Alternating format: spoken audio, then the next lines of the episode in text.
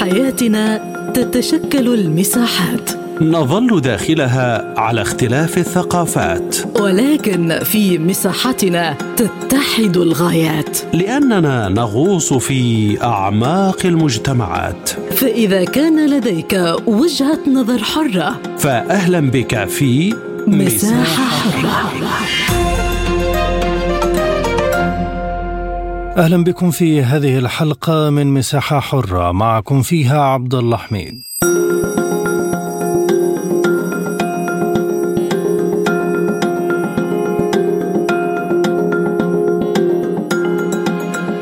يزور رئيس الوزراء القطري محمد بن عبد الرحمن الثاني روسيا ويعقد مباحثات مع كبار المسؤولين على رأسهم الرئيس فلاديمير بوتين. الإطار الاقتصادي له أهمية كبرى في اجتماعات الجانبين خاصة وأن بين روسيا وقطر شراكة استراتيجية في مجالات عدة من ضمنها الغاز.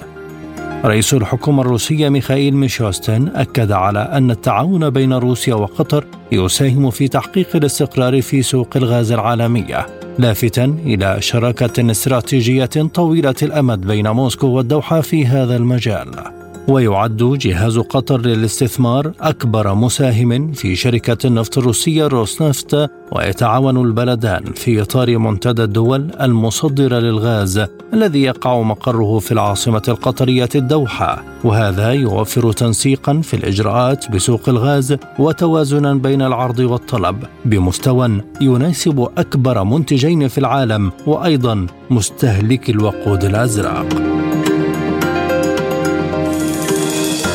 في هذه الحلقة من مساحة حرة نناقش أهمية زيارة رئيس الوزراء القطري إلى روسيا وأهم الجوانب الاقتصادية التي يمكن أن تنتج عنها.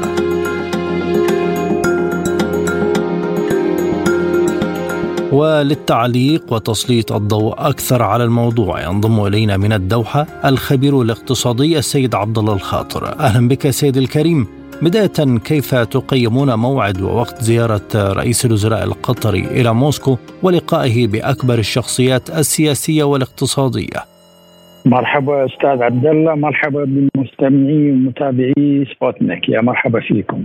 الزيارة طبعا تأتي في إطار التعاون بالنسبة لمنظمة آه، آه، الغاز آه، الطبيعي وعليه الحقيقة. طبعا تأتي في نطاق التعاون وأيضا العلاقات الأخوية والعلاقات الاقتصادية وإمكانية أيضا تأطير سوق الطاقة خاصة بالنسبة للمستهلكين والمصدرين ولذلك مهم بالنسبة معادلة العرض والطلب أن تكون على الأقل مدارة بشكل آه، يفيد آه، الاقتصاد العالمي ويطمئن آه، الكل الحقيقة على كل الجانبين من العرض والطلب بالنسبة للسوق خاصة أن لا تكون ارتجالية ومعرضة للأزمات كما نرى في كثير من القطاعات الأخرى، لذلك مهمة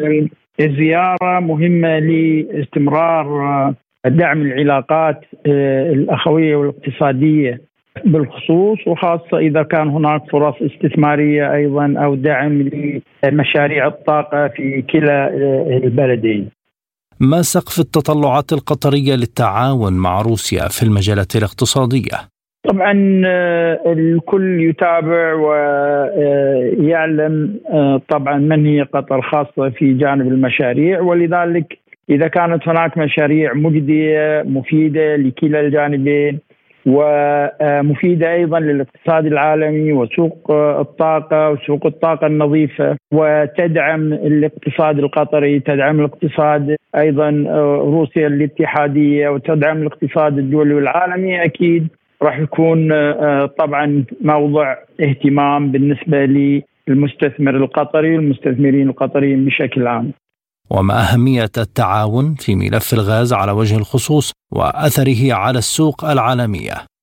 المتابع يعلم آه، طبعا موضع قطر على آه، خريطة سوق الغاز وكذلك روسيا الاتحادية من أهم آه، المركزين الأساسيين بالنسبة لسوق الغاز سوق الطاقة. ولذلك كل ما كان هناك تعاون كل ما كان هناك الترتيب هذا يحفظ الحقيقة القطاع ويحفظ أيضا الطاقة ويمكن من استمرار الاستثمارات ويمكن من استمرار أيضا تطوير هذا الجانب وتنويع أيضا الاستثمارات فيه. وهذا يدعم في نهاية المطاف الاقتصادين والاقتصاد الدولي والعالمي. ولذلك الأهمية أعتقد تعتبر يعني من أولويات كلا الدولتين. لأهمية الغاز بالنسبة للدولتين في الأساس ولأهمية الغاز أيضا خاصة والطاقة النظيفة اليوم لبقية دول العالم آه، وعلى المستوى الدولي والعالمي. ما سبل تحقيق أرباح مقنعة لمصدر الغاز في ظل حالة عدم الاستقرار التي تفرضها الظروف الدولية؟ هي حالة عدم الاستقرار الحقيقة اللي تتطلب جهود أكبر من قبل قطر من قبل أيضا روسيا من أجل إيجاد آه، آه، فضاء يمكن الدولتين يمكن العالم أيضا من التعامل من الاستثمار دون تعرض الصناعة لأزمات قد أيضا آه، تدخل الاقتصاد العالمي في أزمات أزمات طاقة. وأيضا آه، معدلات آه، تضخم عالية ومن ثم معدلات أسعار فائدة عالية تكون أيضا آه، تسيء للاقتصاد العالمي. لذلك حقيقه أساسي بالنسبة لكلا الدولتين لوجود يعني حجم المسؤولية الكبيرة الملقاة على عاتق قطر وروسيا في هذا الجانب خاصة إنه العالم يتطلع لكلا الدولتين لتصدر هذا العمل خاصة في الطاقة وإيجاد حلول حلول استباقية خاصة وأيضا إيجاد فضاء بعيد عن التجاذبات بعيد عن العنف بعيد عن أيضا التداخلات خاصة في أوقات تعتبر مثل هذه التداخلات وعدم الاستقرار. سمة رئيسية. قطر وروسيا قادرة على إخراج آه، الطاقة النظيفة بعيدا بعض الشيء عن مثل هذه التجاذبات. ومن ثم استقرار للاقتصاد استقرار للعمل الدؤوب في استخراج الغاز وأيضا تصدير الغاز إذا كان الغاز سائل أو من خلال الأنابيب للدول التي تحتاجه من قبل آسيا وأيضا من قبل بقية دول العالم كلها في حاجة كبيرة اليوم للطاقة النظيفة ومثل هذا التعاون ومثل هذا الاستمرار في إدارة الشأن الغاز والطاقة النظيفة أساسي بالنسبة للاقتصاد العالمي. سيد عبد الله يعني التعاون بين روسيا وقطر يأتي من خلال منتدى الدول المصدرة للغاز كما تفضلتم، هل مخططات التعاون في هذه المنظمة ستكون مثل ما يحدث في اوبك بلاس؟ في اعتقادي أنه آه، طبيعة الطاقة النظيفة، طبيعة أيضا منظمة الدول المصدرة للغاز وكيفيتها هي اللي راح يفرض أيضا الحراك في على المستوى الدول الإقليمي والعالمي الضغوط الأزمات كل هذا الحقيقة سيكون طبعا محط اهتمام الدولتين وإيجاد آه، معادلات تحمي الدولتين تحمي اقتصاد الدولتين وتحمي الاقتصاد الدولي والعالمي. ولذلك في اعتقادي انه الأفق مفتوح للتعاون بشكل كبير. ليس هناك أسقف حسب ما نرى إلا القدرة على آه، إيجاد صيغ وإيجاد أيضا أطر للتعاون الممكن خلال المرحلة القادمة، المرحلة القادمة راح تكون جدا حساسة، جدا أساسية، جدا مهمة للاقتصاد الدولي والعالمي، خاصة ما بعد الأزمات اللي شفناها إذا كان أزمة كورونا، إذا كان أزمة سلاسل التوريد، إذا كان أيضا الأزمة الأخيرة في أوكرانيا، المنطقة والعالم يتطلع إلى تراجع العنف على المستوى الدولي والعالمي، المنطقة أيضا تدخل انفراجة كبيرة. الحقيقة رأينا أيضا الحراك على المستوى الاقتصادي والزيارات المكوكية ما بين رؤاس لذلك هناك توجه قوي هناك توجه أيضا على المستوى الدولي والعالمي لاعتماد التعاون لاعتماد الاقتصاد لاعتماد الاستثمار الإنشاء الإعمار كأساس للعلاقات الدولية هذا راح يكون داعم للجميع داعم للإنسانية إبعادها عن التلوث تمكينها أيضا من الحصول على حاجته من الطاقة والطاقة النظيفة كل هذا الحقيقة داعم ولذلك في اعتقادي أنه قطر راح تكون على استعداد من أجل دعم مثل هذه المسارات بكل ما تحمل بكل ما أيضا تملك من قدرات وإمكانيات. إذا ما هي أبرز التحديات التي تواجه البلدين في الملف الاقتصادي وهل التأثيرات الغربية تعرقل أي جهود تعاون بينهما في ظل ما تملكه الدوحة من علاقات جيدة مع الدول الأوروبية؟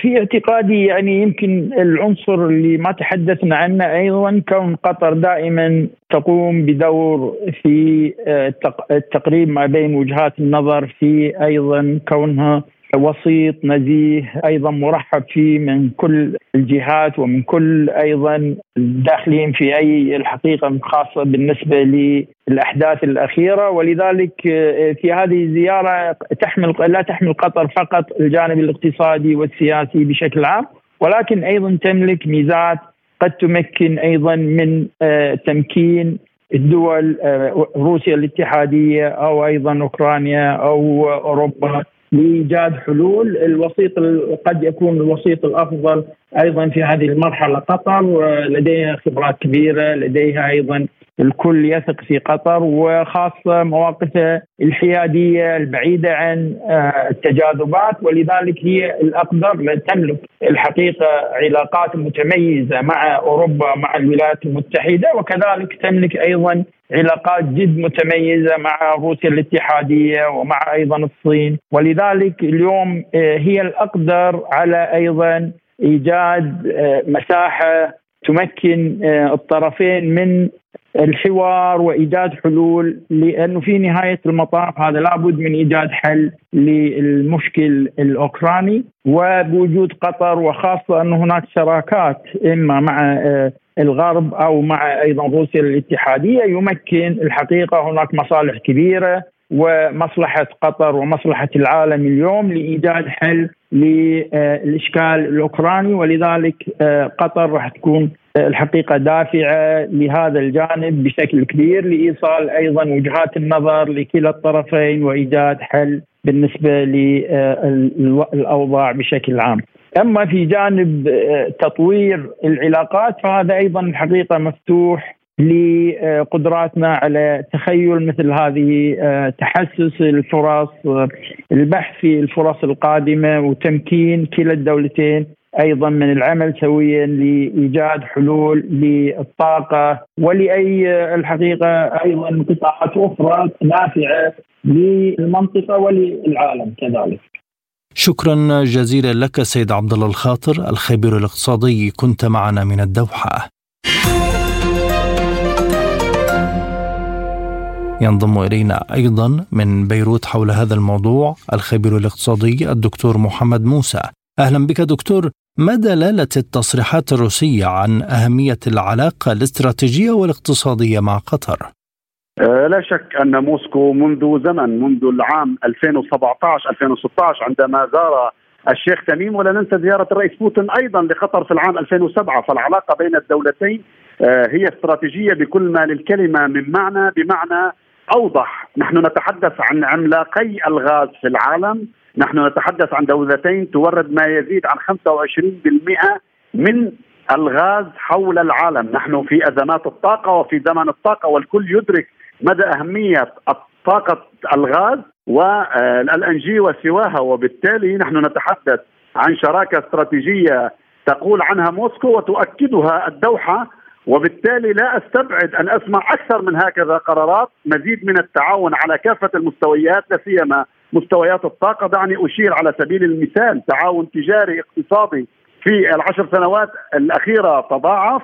في العام الأخير زادت أحجام الصادرات الزراعية إلى قطر من موسكو بحوالي 51% لا سيما مواضيع آه، القمح. ولا ننسى أيضا أن ما يجمع الصداقة بين الدوحة وموسكو آه، الملف النووي الإيراني جملة ملفات إقليمية ودولية الأزمة المستجدة اليوم في أوكرانيا الملف النووي الإيراني وبالتالي جملة قضايا تعول القيادتين على آه، اللقاء والاستراتيجية في النظرة إلى هذه الأمور.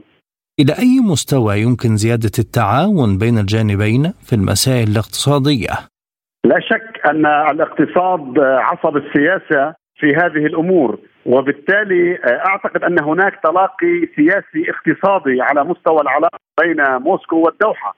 إن لجهة تطوير مسائل الغاز إن لجهة تطوير الاستثمارات القطرية داخل روسيا وفي ذلك آه، تجدر الإشارة أن استثمارات قطر الخارجية ما يزيد عن 13 مليار آه، دولار بين آه، البلدين نتحدث عن قطاعات الطاقة عن قطاعات الخدمات وسواها من القطاعات آخرها المعارض التي جرت في سان بطرسبرغ وكانت هناك مشاركة قطرية لافتة. إضافة إلى ذلك لا ننسى أن البلدان يعملان ضمن منتدى الدول المصدره للغاز الذي مقره الدوحة. إضافة إلى أننا في روس نفط نفسها هناك استثمارات قطرية بأرقام هائلة. وبالتالي إضافة إلى ذلك نستطيع الحديث ليس فقط عن التجارة إنما نستطيع عن الأمن الغذائي كما الأمن الطاقوي. وبالتالي جملة استثمارات وجملة تنويع من الاستثمارات القطرية يدفع إلى مزيد من التلاقي مع موسكو إن على مستوى العسكري إن على المستوى الأبحاث وسواها. إضافة إلى ذلك إذا سمحت لي آه، لا, يعني لا يخفى من الزيارة آه، أن دولة رئيس الوزراء القطري ربما سيبحث كما أشارت الكثير من المعلومات ملف النووي الإيراني وما يجري حوله وفي ظل آه، تعاطي الولايات المتحدة الذي يرغب بإبعاد موسكو. فموسكو تصر على أن أيما اتفاق نووي إيراني لابد أن يحافظ على العلاقات التجارية ما بين روسيا وإيران بعيدا عن التدخلات الأمريكية بعيدا عن منطق العقوبات. ومن الواضح أن قطر تلعب دورا بارزا في هذا الإطار. وكان آه، وزير الخارجية القطري دولة رئيس الوزراء قد اتصل السبت بكل من بلينكن وعبد اللهيان قبل زيارته موسكو وفي ذلك إشارة إلى دور قطري ما على أكثر من ملف في روسيا للبحث بحل آه، هذه الأمور ضمن الأجندة المشتركة الإقليمية والدولية لكلا الدولتين آه، كما نقول سحب فتيل التوترات بجملة أزمات وملفات ساخنة إن في أوكرانيا إن في إيران إن في العديد من دول المنطقة. ولا شك أن موسكو لاعب فاعل على هذا المستوى وقطر تلعب دورها لتثبيت إذا شئت التسويات السلمية في المنطقة والإقليم والعالم. وعندما يكون الأمر متعلقا أكثر بالغاز والاقتصاد إلى ماذا يحتاج سوق الغاز الطبيعي حتى تستقر الأسعار ويستفيد المصدر والمستورد سؤال جميل جدا لا شك أن سوق الغاز في العالم اليوم منذ الأزمة آه، الروسية الأوكرانية وإذا شئت أزمة الناتو يمر بمطبات هائلة إن نتيجة العقوبات الغربية المتسرعة التي ارتدت على كل الاقتصاد العالمي، لا أحد يقول أنها لم تضر بروسيا ولكنها أضرت بكل الاقتصاد العالمي وهي دعوة آن الآن ليقف المدفع آن الآن آن الأوان لوقت التسويات السلمية للجميع. وبالتالي من الواضح أن سوق الغاز العالمي لن يستقر. ونحن نتحدث عن عملاقين أؤكد قطر وروسيا بهذا المضمار لن يستقر والكل يدرك ذلك ما لم تستقر التسوية السلمية في الأزمة الروسية الأوكرانية. إضافة إلى ذلك دعني أشير أن وزير الطاقة القطري سعد الشرايد الكعبي منذ آه، أكثر يعني له أكثر من إطلالة يقول أنه لا مفر ولا استغناء عن الغاز الروسي تجاه أوروبا وبالتالي العقوبات هي مرحلية بانتظار التسوية السلمية وبالتالي إذا أردنا أن نضع خطوات أساسية لتسوية مسألة الغاز وأسعاره في العالم لابد أن ننطلق من تسوية سلمية ترضي جميع الأطراف أن يكون هناك كما نقول معادلة العرض والطلب بما يستجيب مع آه، النهضة الحالية ولا ننسى ما فعله كوفيد 19 بالفترة الأخيرة وتباطؤ الاقتصادات العالمية. كذلك لابد من تعاون كامل ما بين كل الدول المصدرة للغاز والمستوردة للغذاء للغاز ضمن إطار ما يجري على غرار ما يجري في أوبك بلس لضمان الأسعار لكلا الطرفين. دون معادلة عرض وطلب دون معادلة انتعاش الاقتصاد دون معادلة ضبط إيقاع الأسعار بما يتلائم مع الجميع دون عودة حقيقية بعد صفر كوفيد إلى الاقتصادات من التباطؤ سنكون أمام مسألة معضلة كبيرة لتحديد سعر الغاز. ولكن لا شك أن اللقاء الروسي القطري هو من العوامل التي تبعث على الاستقرار لكل أسواق الطاقة ومن جملتها طبعا سوق الغاز الطبيعي في العالم. ومع إدراك الغرب لنقطة ضرورة استقرار السوق عبر الغاز الروسي هل لديهم استراتيجية لحالة الاستقرار أو حالة عدم الاستقرار تكون بديلة لهم؟ لا شك أن الغرب يعاني أحب أو لم يحب هو يأتي بالغاز من جملة دول أخرى من العالم هو يأتي بالغاز بتكاليف عالية لا ننسى أن فاتورة الطاقة بلغت خسائرها في الغرب ما يقارب التريليون دولار خلال أزمة هذه الحرب خلال 15 أو 16 شهر الفائتة. وبالتالي أعتقد أن الغرب لابد أن يشكل استراتيجية جديدة في التعاطي بعيدا عن منطق العقوبات للذهاب نحو منطق الأسس السلمية لاستمرار الاقتصاد العالمي، الاقتصاد العالمي اليوم يمر بأزمات جمة.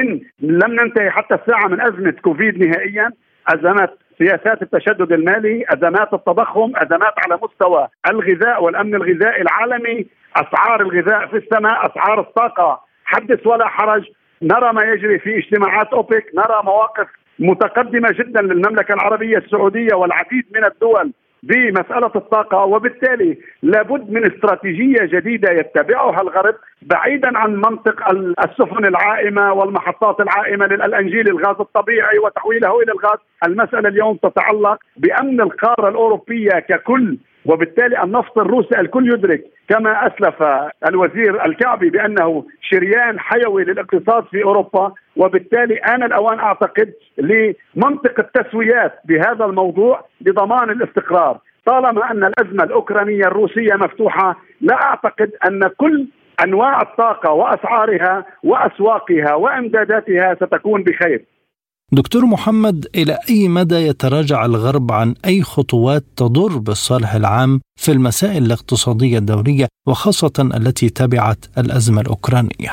لا شك أن الغرب اليوم هو في موضع شبهة بعيدا عن لغة الاتهام والاتهام المضاد والديمقراطية والأحلاف العسكرية وما يجري، حتى الساعة نستطيع أن نقول أن العالم كله يعاني نتيجة هذه الأزمة، وآن الأوان لأدوار متقدمة إن للأمم المتحدة، إن للجمهورية التركية، إن للمملكة العربية السعودية، إن لدولة الصين الشعبية وقطر معها، كل هذه الدول مقبولة من جميع الأطراف لإبرام كما نقول صفقة دولية لإنهاء الأزمة الأوكرانية لأنها انعكست على كل الاقتصاد العالمي، وآن الأوان أيضا لكل دول الناتو والغرب للإدراك جيدا أن تسوية على غرار كسر موسكو لا أعتقد أنها قادرة على العيش أو البقاء أو القبول من الجانب الروسي وبالتالي لابد من آه، البحث إذا شئت في المساحة الرمادية في مناطق الغموض البناء للوصول إلى تسوية، بعيدا عن ذلك سيبقى الاقتصاد العالمي كله يعاني إن لجهة الأمن الغذائي ونحن نتحدث عن قرابة 900 مليون جائع أو شبه جائع في العالم، نحن نتحدث عن أسعار طاقة تتضاعف، نحن نتحدث عن أحلاف جديدة على مستويات الطاقة. نشهدها إن بأوبك بلس وإن على مستوى الغاز. وأكبر دليل ما آه، يجري اليوم من زيارات متبادلة بين آه، الرياض وموسكو بين الدوحة وموسكو والعديد من الدول. وبالتالي لا ننسى آه، شنغهاي وما يجري في شنغهاي نحن في عالم متعدد الأقطاب. وبالتالي آن الأوان لبلورة استراتيجية غربية جديدة عنوانها البحث عن حل الأزمة الروسية الأوكرانية لحل أزمات الاقتصاد العالمي. وبالتالي الحل يبدأ في السياسة وينتهي بالاقتصاد. شكرا جزيلا لك الدكتور محمد موسى الخبير الاقتصادي. كنت معنا من بيروت. مستمرون معكم في هذه الحلقة من مساحة حرة وما زلنا نناقش زيارة رئيس الوزراء القطري إلى روسيا وعقد مباحثات مع كبار المسؤولين في موسكو. من القاهرة حول الموضوع أيضا ينضم إلينا الدكتور رامي القليوبي الأستاذ بمعهد الاستشراق في مدرسة الاقتصاد العليا بموسكو. أهلا بك دكتور وما أهمية زيارة وزير الخارجية القطري إلى روسيا؟ في الواقع هذه الزيارة تعكس أن روسيا تواصل تنويع شراكاتها الخارجية مع الدول التي لم تنضم إلى العقوبات بحقها وفي مقدمتها الدول العربية والآسيوية وبلدان أمريكا اللاتينية وأفريقيا وطبعا روسيا إلى جانب قطر وإيران. هذه الدول الثلاث تملك أكبر احتياطات الغاز على مستوى العالم فبالتالي التنسيق بينها أمر طبيعي في مجال الطاقة. ملف الطاقة مهم للجانبين، كيف يمكن إذن الارتقاء في مجال التعاون بينهما؟ في الواقع روسيا الآن تواجه تحديا في تنويع صادراتها من الغاز لأنها اعتمدت على مدى عقود طويلة على غاز الأنابيب لتصديره إلى أوروبا، بينما لقطر تجربة كبيرة وساريه في مجال الغاز الطبيعي المسال ويمكن لروسيا الاستفادة من التجربة القطرية في مجال تسييل الغاز لتصديره بواسطة ناقلات الميثان. وفي هذه الحالة لن تقع في مصيدة الاعتماد على مشتر واحد مثل ما حدث مع الاتحاد الأوروبي. وكيف يستقر سوق الغاز في ظل التحديات المحيطه الواقع سوق الغاز هي مستقرة إلى حد كبير على مستوى العالم وحتى روسيا تمكنت من إيجاد بدائل لشراكاتها مع أوروبا وجدت هذه البدائل في السوق الآسيوية. والآن السوق الآسيوية هي السوق الرئيسية المستهلكة للنفط والغاز. كونها تضم دولا ناشئة تحتاج إلى مزيد من موارد الطاقة لمواكبة الزيادة السكانية والنمو الاقتصادي. دكتور رامي يعني قطر هي الشريك الرئيسي لروسيا في الشرق الأوسط كما تتحدث الأوساط السياسية والاقتصادية، ما تأثير تعاون روسيا وقطر على استقرار أسواق الغاز العالمية؟ في الواقع وضع الغاز مختلف عن النفط إذا كانت هناك في مجال النفط منظمة أوبك وأوبك بلس تتحكم في الأسعار فالوضع في سوق الغاز هو ربما أكثر مرونة وأكثر خضوعا للعرض والطلب أكثر منه خضوعا للتكتلات بأي طريقة يتم التخطيط لتطوير هذا التعاون الروسي القطري؟ بداية التعاون القطري الروسي لا يقتصر على مجال الطاقة بل يشمل أيضا مجال الاستثمار فمثلا قطر جهاز قطر للاستثمار يملك حصة تقدر بنحو 500 مليون دولار في مصرف VTB وهذا ثاني أكبر مصرف حكومي روسي. وكذلك هناك تعاون كبير في مجال سياحة الترانزيت. صحيح أن قطر ليست واجهة للسياحة الروسية في حد ذاتها ولكنها محطة ترانزيت مهمة للسياح الروس المتجهين إلى جنوب شرق آسيا وكذلك الحال مع روسيا التي تسعى لجذب مزيد من السياح الخليجيين والذين أصبحوا يأتون إلى روسيا من دون تأشيرات الدخول لا سيما القطريين والإماراتيين. وهنا نتحدث عن أهمية تنويع التجارة المتبادلة والانتقال الأكثر نشاطا إلى استخدام العملات الوطنية.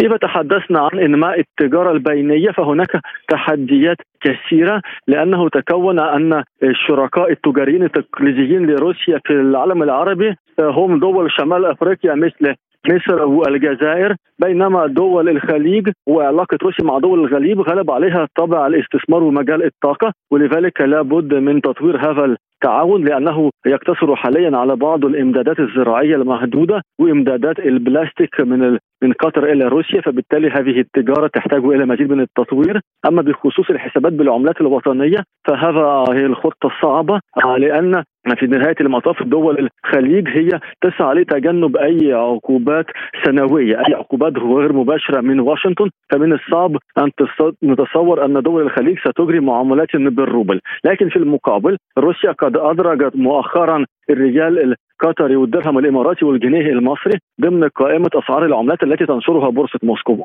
وتأكيدا على ما تفضلتم به وبرأيك هل تهتم قطر بتنويع العملات الدولية غير الدولار وهل يفيدها ذلك؟ قد يكون هذا مفيدا من جهة إثارة غيره واشنطن ومن جهة اتباع سياسات متعددة الاتجاهات ولكن الوضع في مجال التجارة الدولية لا تزال تهيمن عليه الدولار واليورو. شكرا جزيلا لك دكتور رامي القليوبي الأستاذ بمعهد الاستشراق في مدرسة الاقتصاد العليا بموسكو كنت معنا من القاهرة. ونشكركم مستمعينا الكرام على حسن المتابعة. طابت أوقاتكم. تابعوا المزيد من الأخبار والتفاصيل على سبوتنيك dot AE. إلى اللقاء.